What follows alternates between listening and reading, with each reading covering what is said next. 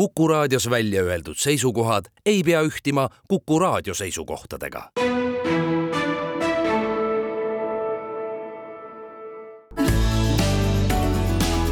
keskpäevatund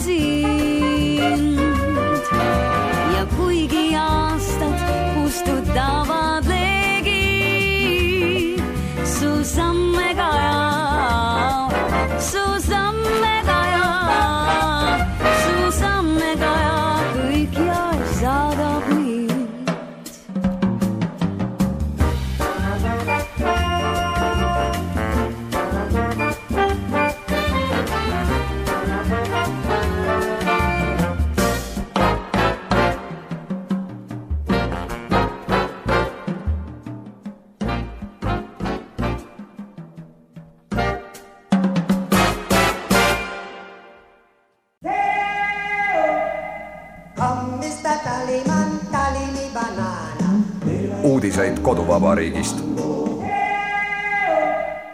tere, siin Keskpäevatund ja Kuku raadio. stuudios Ainar Ruussaar, Heldur Meerits ja Priit Hõbemägi ja head uut aastat kõigile Keskpäevatunni kuulajatele, et kaks tuhat kakskümmend neli tuleks palju parem, kui oli kaks tuhat kakskümmend kolm. ja Laura Põldvere esitatud laul Ei kunagi, ei iial keegi on pühendatud neile kuuele keskerakondlasele, kes suure pidulikkusega teatasid Keskerakonnast lahkumisest. No aga oleme ausad, nende süda jääb ikka nende kaunite nooruspäevade juurde, mil Edgar Savisaare juhtimisel riigis ja linnas suuri tegusid tehti. ja tõsi on ka see, et ei ole neil mingit maailmavaatelist ümbersündi ega kirgastumist, neile lihtsalt ei meeldi Kõlvart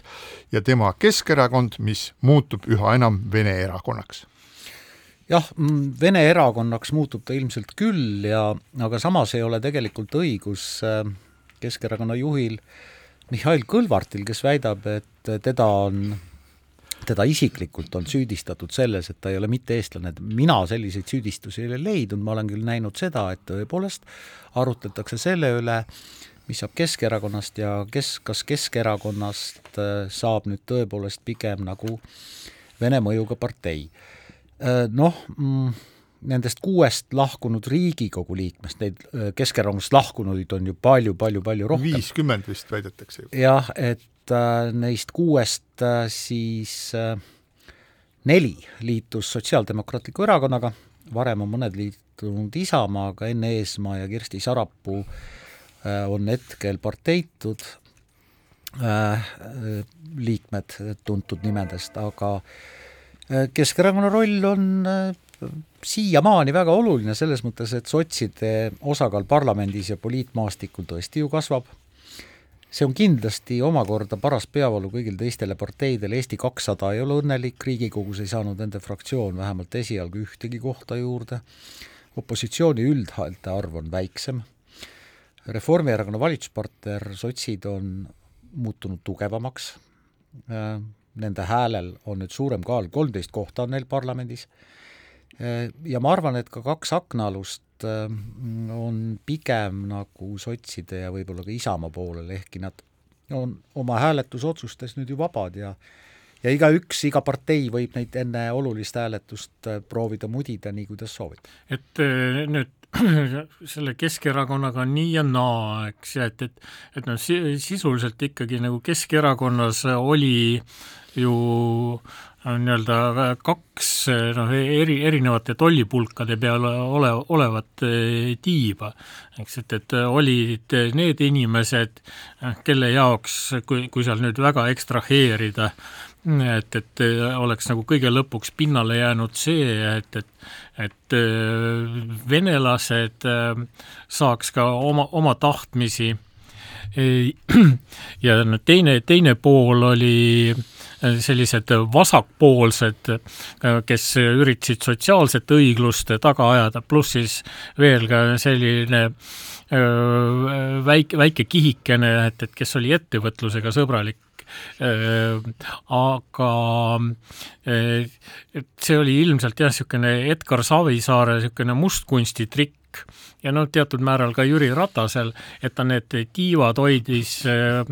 omavahel sellises üksteisest mõõdukal kaugusel, et nad noh, pigem, pigem nagu võimendasid, mitte, mitte ei tekitanud vastukaalupunkte jah, aga nüüd nagu see Mihhail Kõlvarti valimine esimeheks ja et, et see on, nagu on toonud esile selle, et, et see Vene tiib on Keskerakonnas domineerimas ja suures plaanis võiks öelda, et see on loogiline, et enamus Keskerakonnast lahkunuid noh, liikus edasi sotside juurde. Et, et sa nimetasid juba Isamaad, aga üks, üks eh, nendest saadikutest läks ka Reformierakonna tiiva alla. jah, seda küll juba vanal aastal. Yeah.. aga mm, tegelikult eh, noh, tõe huvides tuleb öelda, et Mihhail Kõlvart noh, ikkagi püüdis seda erakonda kuidagi koos hoida, ta ju eh,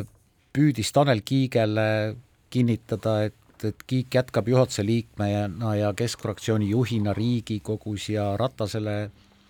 korrutas ta korduvalt, et äh, Europarlamendi valimistel ilmselt erakonna äh, juhatus ikkagi määrab ta esimesele kohale ja nii edasi, edasi, Ratas ei ole siiamaani äh, selgelt öelnud, kas ta jätkab Keskerakonnas ja kui kaua jätkab, aga mul on üks võib-olla väga radikaalne arvamus, aga ma arvan, et nüüd, just nüüd valimistevahelisel ajal on tegelikult äh, valimisliidul ja võib-olla ka mõnel opositsiooniparteil aeg teha kiired ja olulised otsused nende Eestis alaliselt elavate agressorriikide kodanike suhtes, kes pole teinud katsetki siia ühiskonda integreeruda, et kui me räägime sellest, et Keskerakond muutub üha rohkem venekeelseks ja võib-olla ka venemeelseks parteiks, siis noh, eelmisel aastal sai Eesti kodakondsuse kolmsada seitsekümmend nüüd juba endist Venemaa kodanikku, mida ei ole väga palju. Ja ja tegelikult ma olen ikkagi seda meelt, et äh, suhteliselt kiiresti tuleks äh, võtta vastu ikkagi Riigikogu tasemel otsus keelata kohalikel valimistel osalemine agressorriikide siin alaliselt elavatel kodanikel. Venemaa, Valgevene, Põhja-Korea, äh, ei, ei ole neil asja Iraan ja Hiina Iraan, noh jah, Hiina võib-olla natuke teistmoodi. ei ole neil asja osaleda siinses poliitikaelus, kui nad ei ole teinud katsetki siin alaliselt elades saada Eesti kodakondsust. teine, mulle väga meeldib lätlaste otsus saata riigist välja kõik need alaliselt elavad agressorriigi kodanikud, kes pole teinudki katset taotleda Läti kodakondsust või pole teinudki katset omandada mingisugune osa läti keelest. see on ju kõik tegelikult nähtav. mina saadaks ka need inimesed välja või annaks neile pool aastat aega, et nad vähemalt registreeruks ennast kuhugi kursustele. ja muide, kolmas asi, millega venelased meile kaasa aitasid, kolleeg Timo Tarve luges kokku, et reedel väljus Tallinnast Peterburi suunal, avaliku sõiduplaani järgi, Tallinnast Peterburi mm -hmm. suunal kaheksateist liinibussi ilmselt samas suurusjärgus liikus ka Peterburist Tallinna suunal. no kuulge, mm, me oleme idapiiri kinnipanekuga venitanud, nüüd tulid venelased meile appi, panevad esimesest veebruarist eh, Jaanilinna piiripunkti kinni, sealt enam sõidukitega üle ei saa, aga tegelikult peaks piirama ka seda, et alaliselt Eestis Narvas elav Vene kodanik ei saaks vabalt liikuda üle jalakäijate silla Jaanilinna, tuua sealt odavat Äh, suitsu ja müüa neid Narva turul või osta siit Venemaal sanktsioonidega keelatud Itaalia juustu, minna Jaanilinna ja müüa seda sealsel turul, minu meelest on see jabur, nii ei saaks olla. no jaa, et äh, eks äh, need, kes välispoliitikat jälgivad, need kindlasti teavad sellest suurejoonelisest plaanist, mis on praegusel Briti peaminister Rishi Sunakil, on saat-, saata siis ebaseaduslikud immigrandid kõik Rwandasse välja, mille siis kohus on peatanud, teistes riikides on ka umbes selliseid ideesid, et et saata ebaseaduslikud immigrandid Kongosse, pole teada, kumba Kongosse, et need on kaks tükki, ühes, ühes on sõda ja ja teises diktatuur Eesti võiks nagu proovida läbi rääkida Islandiga, et, et seal hoida neid ebaseaduslikke immigrante. minu mõte oli ikkagi selles, et kõik need alaliselt siin elavad Venemaa ja Valgevene kodanikud, kes ei ole teinud aastate jooksul mitte ühtegi katset, et siia ühiskonda sulanduda, vot nemad peavad hakkama tundma, kas nad tahavad siin elada või lahkuvad siit? ei, seda, see on selge, et äh, ma, ma mäletan ka seda, kuidas Mihhail Kõlvart kunagi küsis avalikult, et kui, kui mitu korda ma pean tõestama seda, et ma olen Eestile lojaalne ja ja sealt edasi fantaseeris, et mida, et kas peaks nagu mingit märki kandma revääri peal või noh, ütleme niimoodi, et tuleb tõestada oma tegudega ja, ja, ja nii, aga ma selle Keskerakonna juurde korraks pöörduks tagasi, et selles mõttes, et et sellel on, Keskerakonna lagunemisel on hästi mitmeid aspekte ja küll ajalooliselt on see olnud väga oluline ja, ja noh, kui me meenutame siis selle tausta, Keskerakonna tekkimise tausta, siis kindlasti on seal üks oluline lüli on ka selles, et ka, et see see diskussioon või isegi võitlus selle üle, et kas praegune Eesti Vabariik on siis uus nii-öelda loodud Eesti Vabariik, mis oli siis Edgar Savisaare idee, või siis on taastatud, äh, restaureeritud, äh,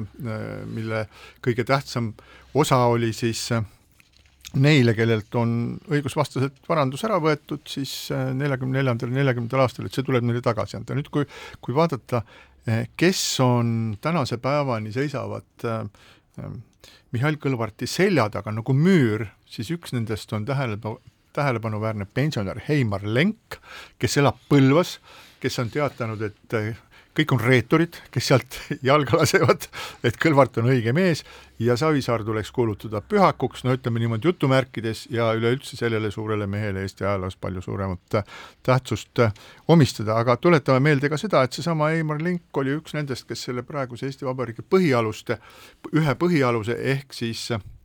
õigusvastaselt võõrandatud vara äh, tagastamise vastu on võidelnud kõik need aastad, ehk eh, Keskerakonnale võib eh, mitmesuguseid miinuseid ja plusse kirjutada, aga tegelikult midagi toredat sellest eh, minu meelest tulnud ei ole, et kui me vaatame seda, mida Edgar Savisaar siis Tallinna linnas tegi, tegi sellist taskumunitsipaliteedi, lõi paralleelseid struktuure, meediat, panku, toidukauplusi ja kõike selliseid asju, siis ja nüüd, kui see monstrum hakkab lagunema, siis minul on väga hea meel, sest et äh, kõige hullem äh, pärandus, mis sellest äh, kunagisest Keskerakonna hiilgusest on jäänud, on ikkagi see Tallinna linnavõimu usurpeerimine, selle häbitu kasutamine oma erakondlikes huvides, kus erakond on linn ja linn on erakond ja äh, tallinlased, kes siin elavad, ei ole mitte esimene huvi, vaid nad on mingisugused nupud, keda selles mängus kasutada ja kui nad räägivad vene keelt, siis nad hääletavad äh, Keskerakonna juhtide poolt ja teised ei maksa mitte midagi. Kes Keskerakond on üritatud kiita selle eest, et, et ta on nii-öelda hoidnud venelased nii-öelda rahulikuna, aga ma ei, et nagu ei tahaks nagu päris ära osta seda mõtet ja et et no me võime nüüd elus endas näha, et, et kui Keskerakond muutub Vene parteiks, eks et, et kas see siis toob kaasa mingisugust suurt muutust eh, meie, meie elus või mitte, eks, et no ma, ma küll nagu ei arva, et, et see tuleb. Mingi suur muutus, sest et nende edu valimistel ei saa olla kuigi suur, eks, et, et et noh, kuigi neil võiks olla jah, nagu väga selge seisukoht äh, selle venekeelse koolihariduse suhtes, aga tegelikult peavad nad seisukohta võtma ju ka väga paljudes teistes küsimustes. et, et kas siis on proportsionaalne tulumaks hea mõte või või ku- kuida-, kuidas peaks olema tasuta haridusega või kümnete muude küsimustega. ja noh, seal nagu ei saa kuidagi oodata, et venelased nüüd mingisuguse ühtse plokina hääletaksid. seda loomulikult ja, ja, ja noh, eestikeelsele hariku- har,, haridusele üleminekuga on, on ilmselt enamus äh, leppinud või pool leppinud, see on seadusega ette nähtud, see tuleb, aga äh, omamoodi huvitav olukord on tegelikult tekkinud ka Tallinnas, et äh, et kus koalitsioonis on ju Keskerakond ja sotsiaaldemokraadid, et sotsiaaldemokraadid ilmselt selle mm, noh, ütleme mitte uuenenud, vaid vähenenud Keskerakonnaga ennast väga mugavalt siin pealinnas ei tunne. ja samas üleriigiliselt said nad ju jõudu juurde, et äh, saab näha, mis, mis siis nagu Tallinna koalitsioonis äh, saama hakkab, sest tegelikult ega sotsidel on ikkagi väga raske tõrjuda süüdistusi, et te olete ühes koalitsioonis venemeelse ja venekeelse parteiga, ehkki nüüd Keskerakond päris venekeelne ja päris venemeelne veel ei ole, seda me ei saa väita. aga ma julgen küll väita, et kui Keskerakond endale eestlastest liikmeid juurde ei saa ja ilmselt lähiajal ei saa, ma ei näe seda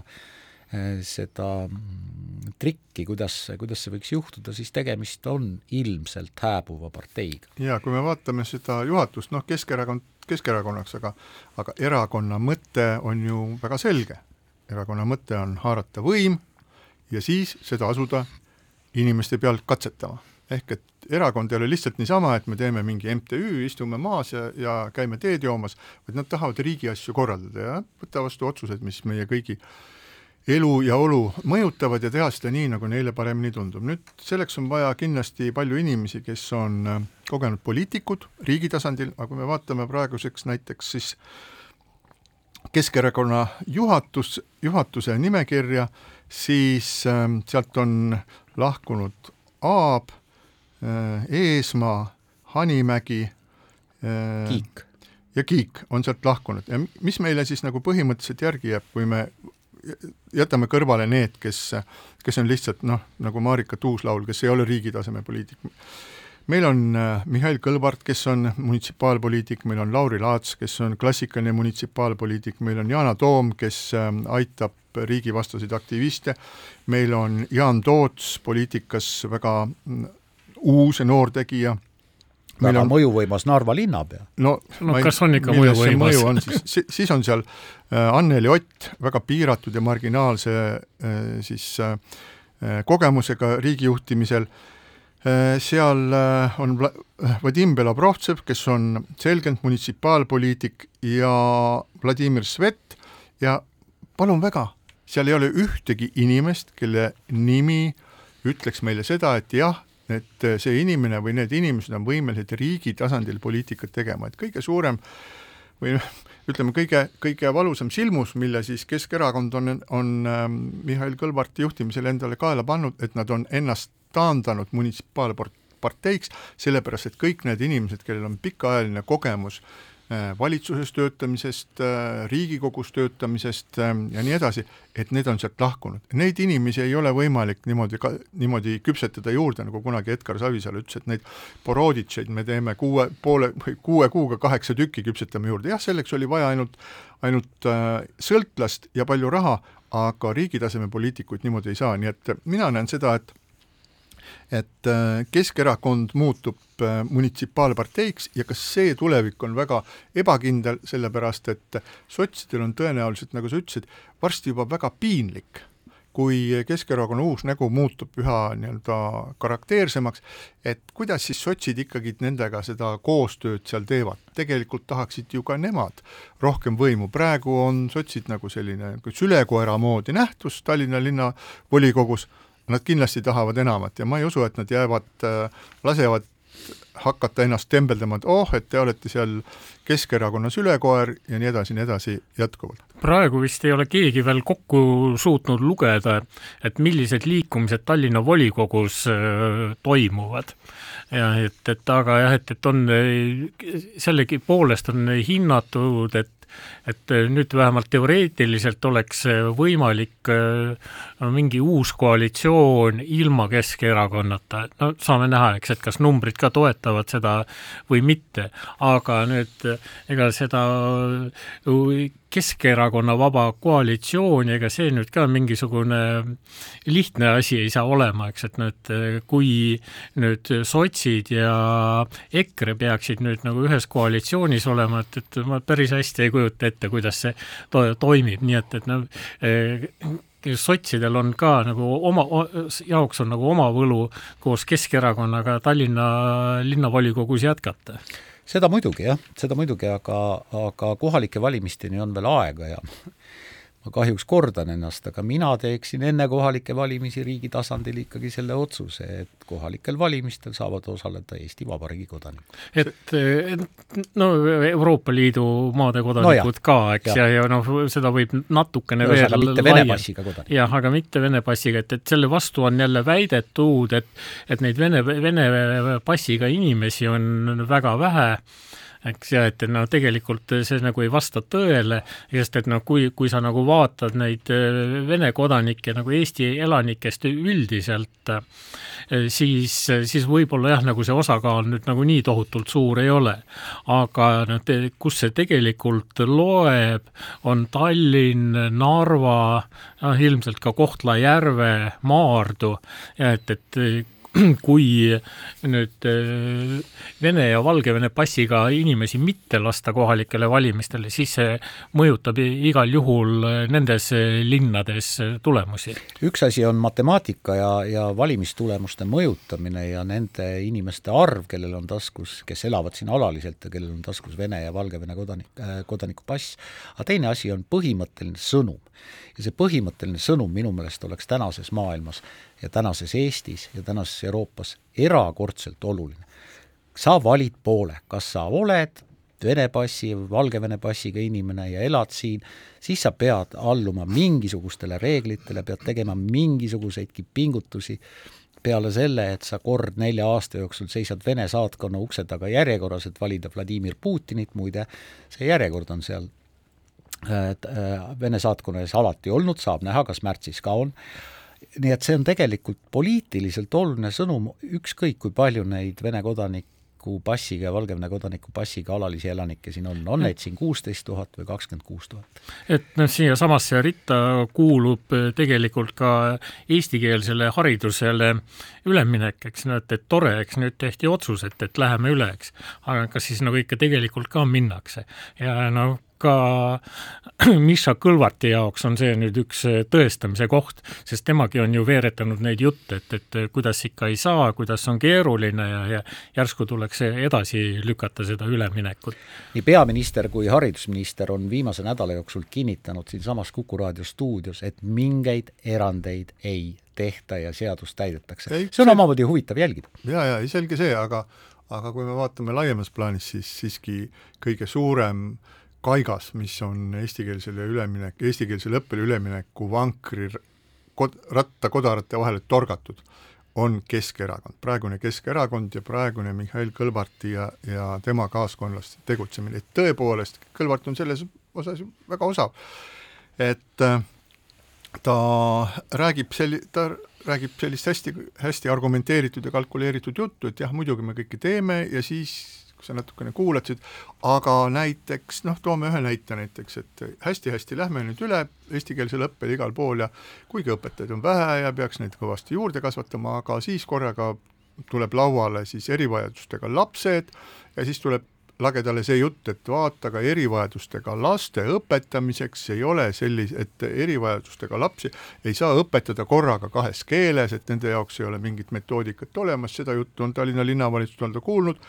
mis ei vasta tõele, sellepärast et Tartu Ülikooli teadlased on põhjalikult uurinud seda asja ja selgitanud välja ka seda, et saab küll väga hästi, nii et laias plaanis võiks öelda, et et Eesti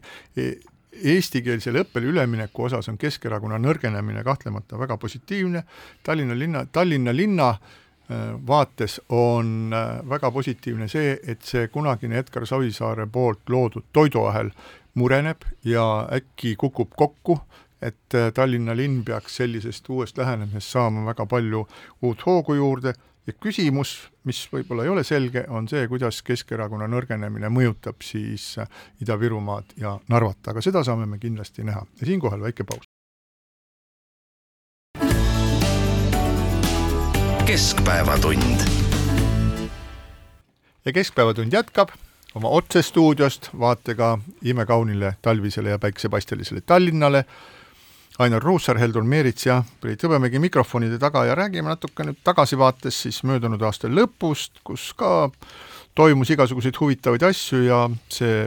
sündmus, mida muidugi väga palju oodati ja mida oodatakse igal, iga aasta lõpus, on siis presidendi kõne. Ja seekord kandis, kandis see sellist äh, üldistavat pealkirja, mille vähemasti on pannud Postimees, et lihtne on solvata, keeruline lepituseni jõuda. Ja tõepoolest äh, president on siis äh, püüdnud kutsuda üles olema ühtne, näitama seda, et meil on ühised ja selged väärtused ja me tühiasjade pärast ei kakle ja et Eesti riik peab toimima väga erinevatel ja kõikidel tasanditel, alates siis ähm, Riigikogu ja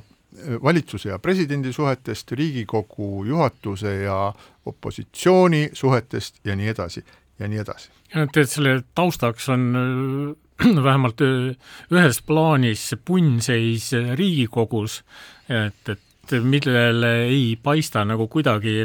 seda lahendust äh, tulevat ja, ja selles osas äh, nagu liiga suuri lootusi nüüd presidendi üleskutsele, et, et et äh, hakkame nüüd kõik sõbralikult koos elama, et, et see, siin on vist äh, raske, raske loota. aga need, need ei ole mitte ainult sõnad, vaid tegelikult on ju nii, et riigipea saatis valitsuse usaldushäälega mm, -hmm. usaldushääletusega seot-, seotud seaduse Riigikohtusse tagasi, tegu oli siis maamaksuseaduse ja ja maamaksukorralduse seaduse muutmise seadusega, tähendab, ta saatis need Riigikohtusse, kuna tema lükkas tagasi äh, Riigikogu siis ütleme, koalitsioon võttis selle muudatusteta vastu ja saatis uuesti presidendile ja president saatis siis selle Riigikohtule edasi, et siis selle diskussiooni põhipunkt on siis selles, et kui opositsioon või osa opositsioonist pidevalt äh, blokeerib Riigikogu tegevust, et see siis takistab ka teisi Riigikogu liikmeid oma põhiseaduslikku tööd no, nüüd... tegemast ja, ja kas selle taustal siis usald-, pidevalt äh, usaldushääletustega seaduste vastuvõtmise sidumine on, äh, on koššer või on lubatud, sellepärast tegelikult meil ongi see, see olukord, kui, kui mingisugune osa blokeerib, siis äh, on olukord nii, et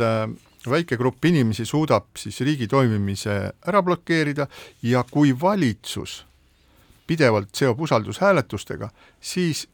on täpselt seesama olukord, väike grupp inimesi saab manipuleerida Riigikogu ja rahva tahtega, nagu ise tahab. jah, et selles osas on sul jah, tegelikult küll õigus, eks, ja et, et kui no ma arvan, et, et see kokkulepe ja leppimine, et, et noh, selle, selles on nagu jämedam ots peaks olema siiski nagu tugevama ehk valitsuskoalitsiooni käes.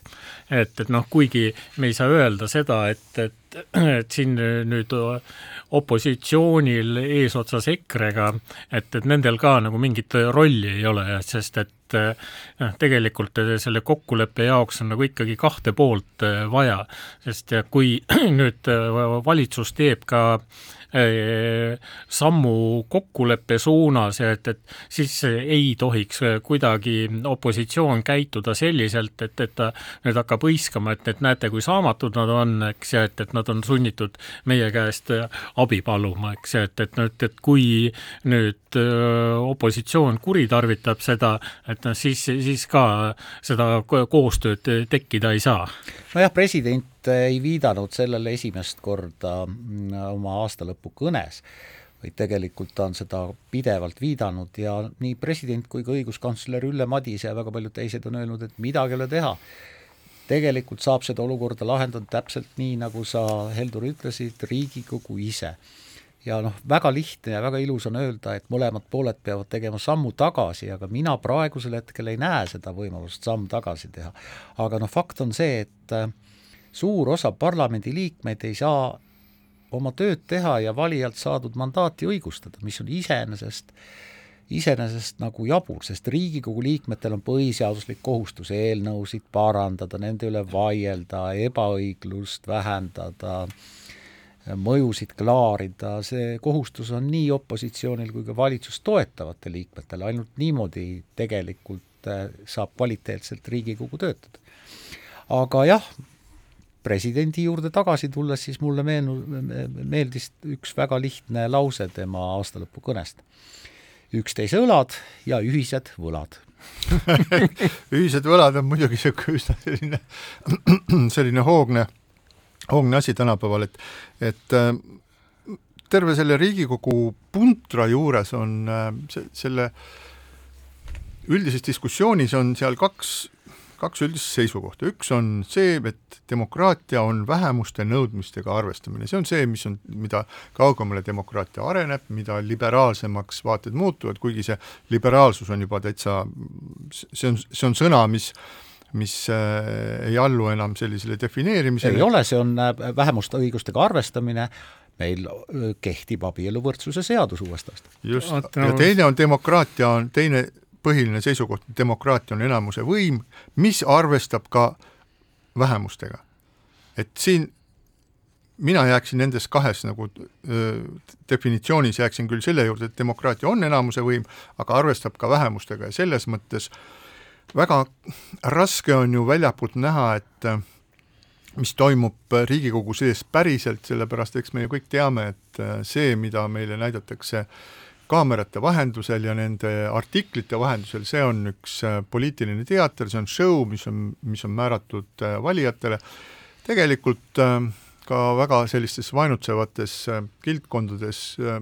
tegutsevad poliitikud käivad rahulikult äh, Riigikogu puhvetis, söövad koos suppi, võib-olla võtavad seal mingisuguse õlle, räägivad, otsivad mingisuguseid lahendusi mingitele asjadele, et see ei ole nii, et inimesed jooksevad Riigikogus ringi, neil on kogu aeg äh, noad on käes ja nad vaatavad, kus on mingi opositsiooni või koalitsiooni liige, et seda torgata, seda ja. ei ole noh, samal ajal sellest äh, samadest valimistest ja kõigest muust sõltub ka äh, sinu kui poliitiku koht äh, toiduahelas. ja, ja see on kindlasti nagu väga tähtis, et, et sa võid küll oma konkurendiga koos suppi süüa, aga nagu see seda põhi, põhiküsimust ei lahenda, eks. et noh, kui me saame ikkagi selle konflikti lihtsustades tagasi viia Äh, Reformierakonna ja EKRE vastasseisule ja, ja kui me sealt nüüd niimoodi sammhaaval tagasi läheme, siis see algab ikkagi tunde, EKRE tundest, et nad kaotasid ebaõiglaselt äh, need valimised.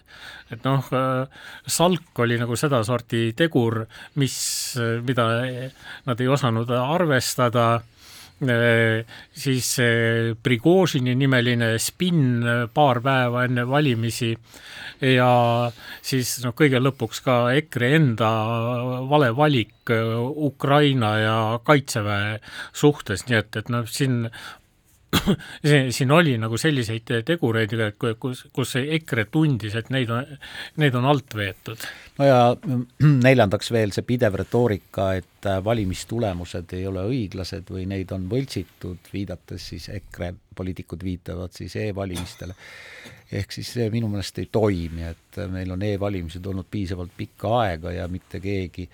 ei ole tuvastanud mitte ühtegi võltsingut, et see on üks selline poliitiline loosung, ma loodan, et mul on õigus et keegi ei ole tuvastanud võltsingut, aga ma arvan, et see, selle loosungiga ka EKRE nüüd väga kind-, väga palju enda positsiooni ei kindlusta.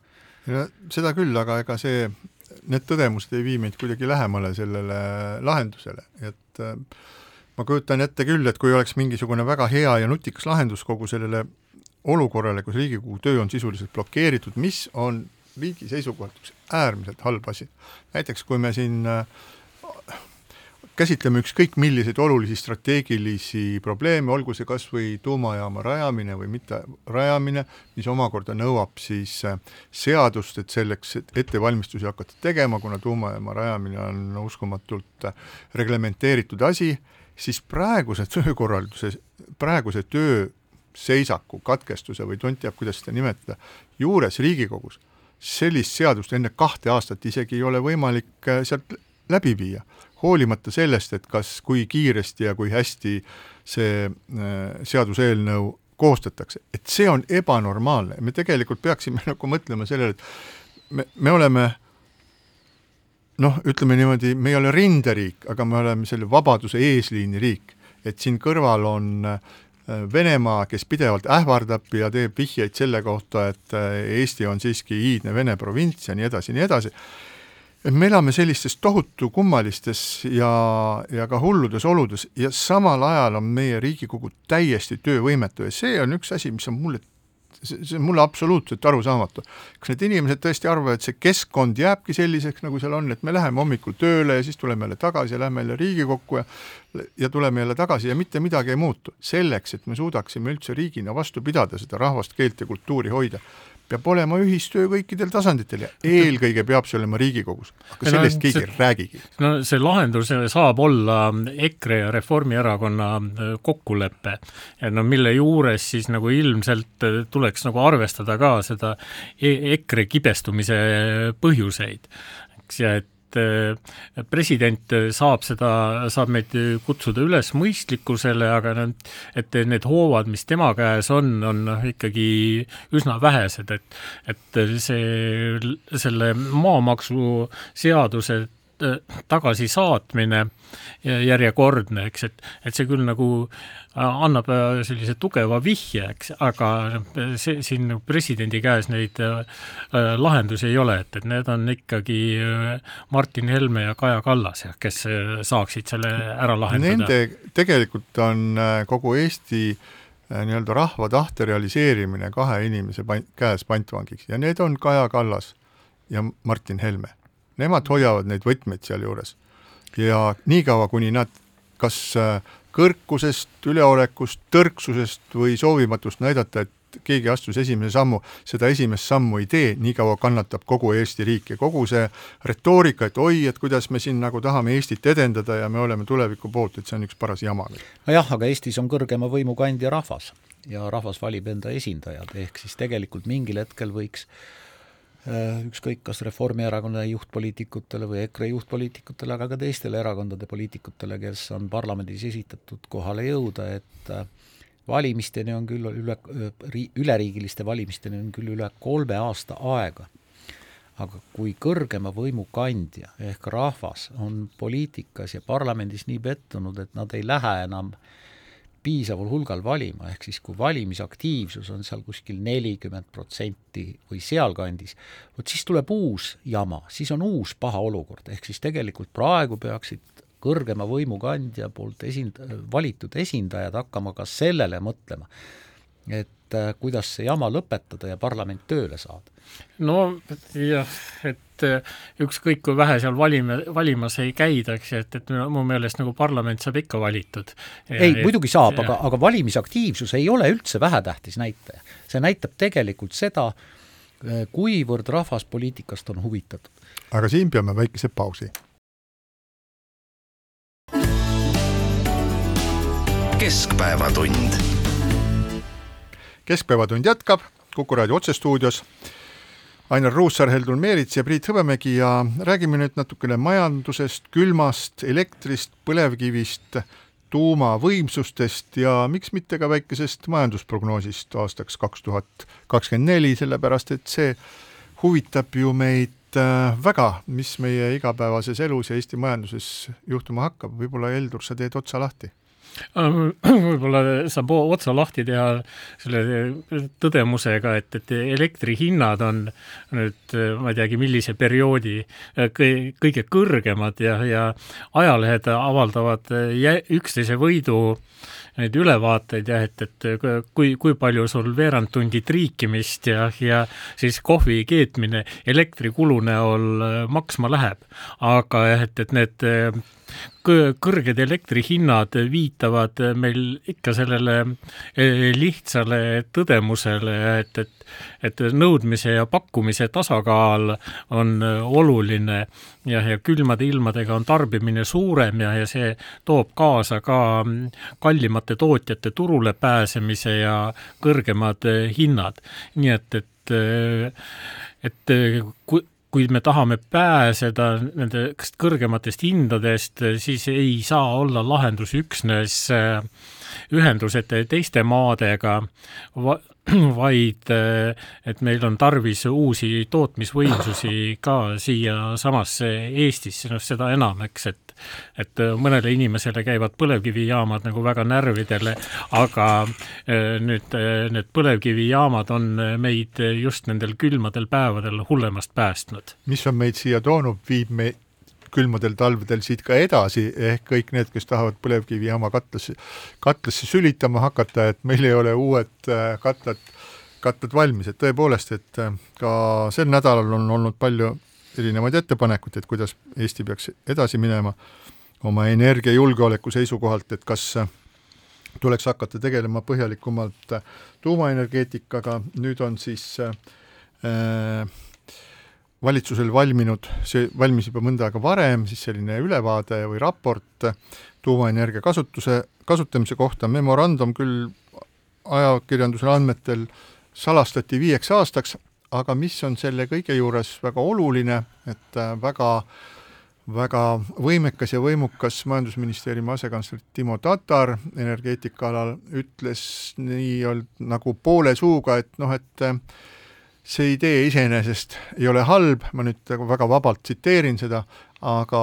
umbes vilgutas, ei näidanud rohelist tuld, aga vilgutas rohelist tuld sellele, et Eesti Vabariik võiks hakata tuumaenergia võimekuse rajamisega nii-öelda otsi lahti tegema, mis ei tähenda seda, et Eesti Vabariik hakkaks mingisugust tuumajaama ehitama, aga ega siis riik ei saagi teha muud, kui luua ettevõtjatele sobivad tingimused, nad saaksid seal oma asjaga peale hakata. nojah, kõik on öelnud, et tore eesmärk on, et aastal kaks tuhat kolmkümmend või kaks tuhat kolmkümmend viis oleks meil ainult taastuvenergia, aga noh, tõepoolest tuule ja päikese kõrval peab midagi muud olema ja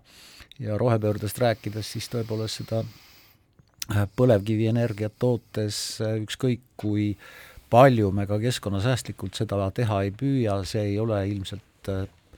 päris tulevikus äh, lõplik lahendus. aga noh, sellest tuumajaamast võib äh, rääkida ja võib raporteid kirjutada, võib arvamusi küsida, aga see protsess on nii pikk, isegi kui,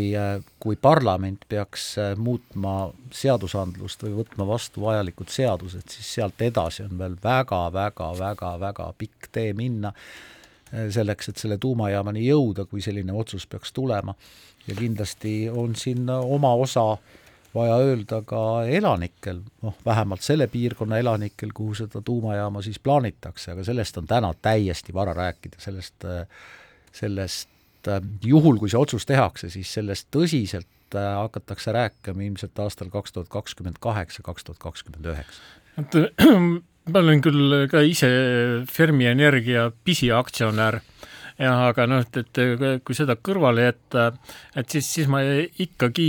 imestan, eks, et mille pagana pärast kõik see protsess peab nüüd ikka tingimata nii, nii pikk olema, eks, et et noh, kui, kui ma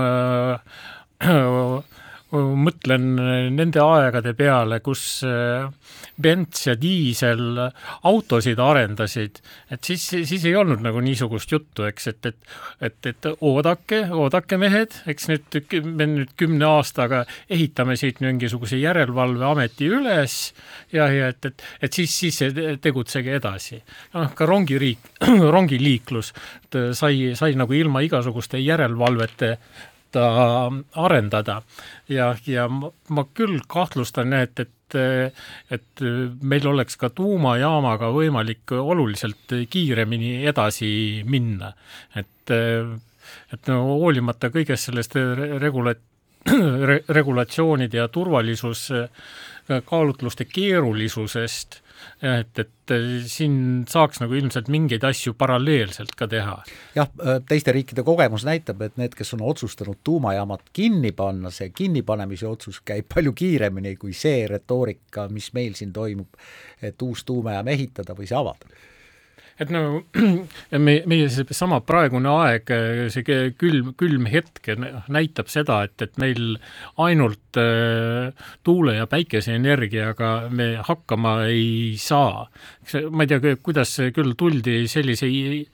pehmelt öeldes imeliku otsuse peale, et, et Eesti taastuvenergiat on tarvis toota sama palju, kui, kui on nagu Eestis tarbimine.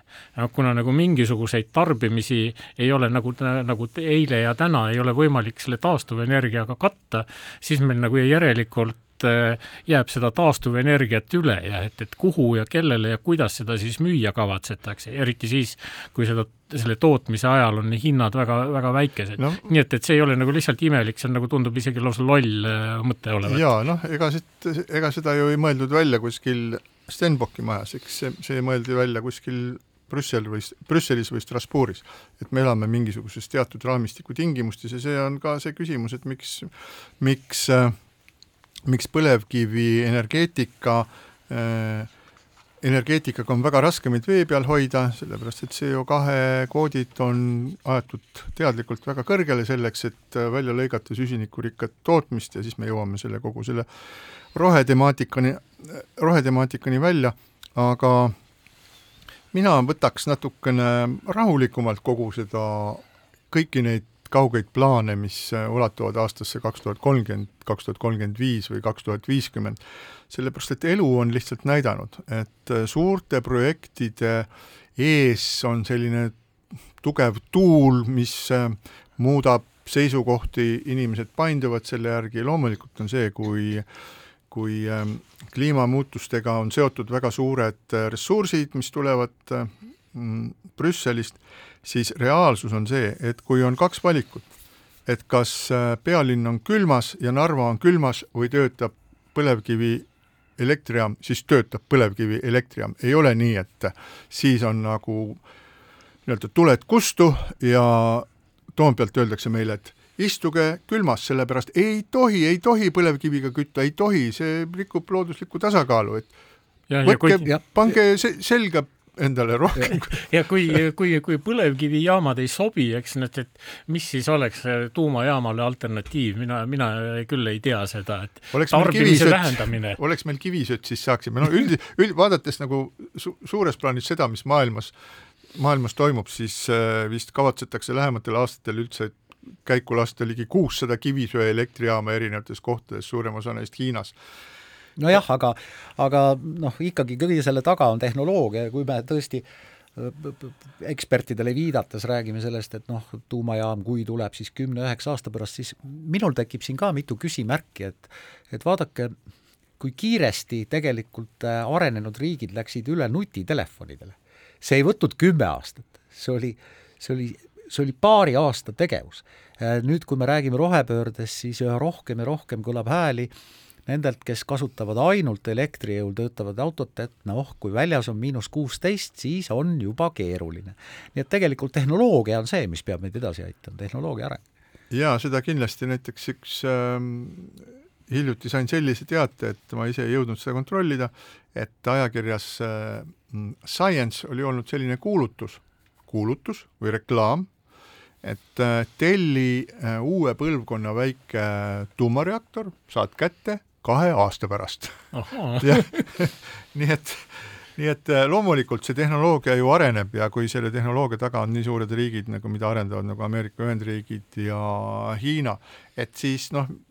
mina küll usun seda, et ühel heal päeval on need äh, kas, kas nüüd just sellise diplomaadikohvri suurused, aga selle väiksema eramaja suurused Äh, tuumareaktorid olemas. tuumakohver igasse peresse just nimelt, et igalühel isa läheb tööle, kohver on näpus ja, ja teised istuvad kodus soojas. nii et äh, küll see tehnoloogia areneb, võib-olla saame meiegi seda näha, aga tegelikult tehnoloogia, nagu sa, Ainar, vihjasid, areneb kiiremini, kui me üldse arvata oskame. Ja siinkohal täname teid kuulamast, oli ilus laupäev, soovime kõigile meie kuulajatele ilusat uut kahe tuhande kahekümne neljandat aastat ja kohtume taas nädala pärast. Keskpäevatund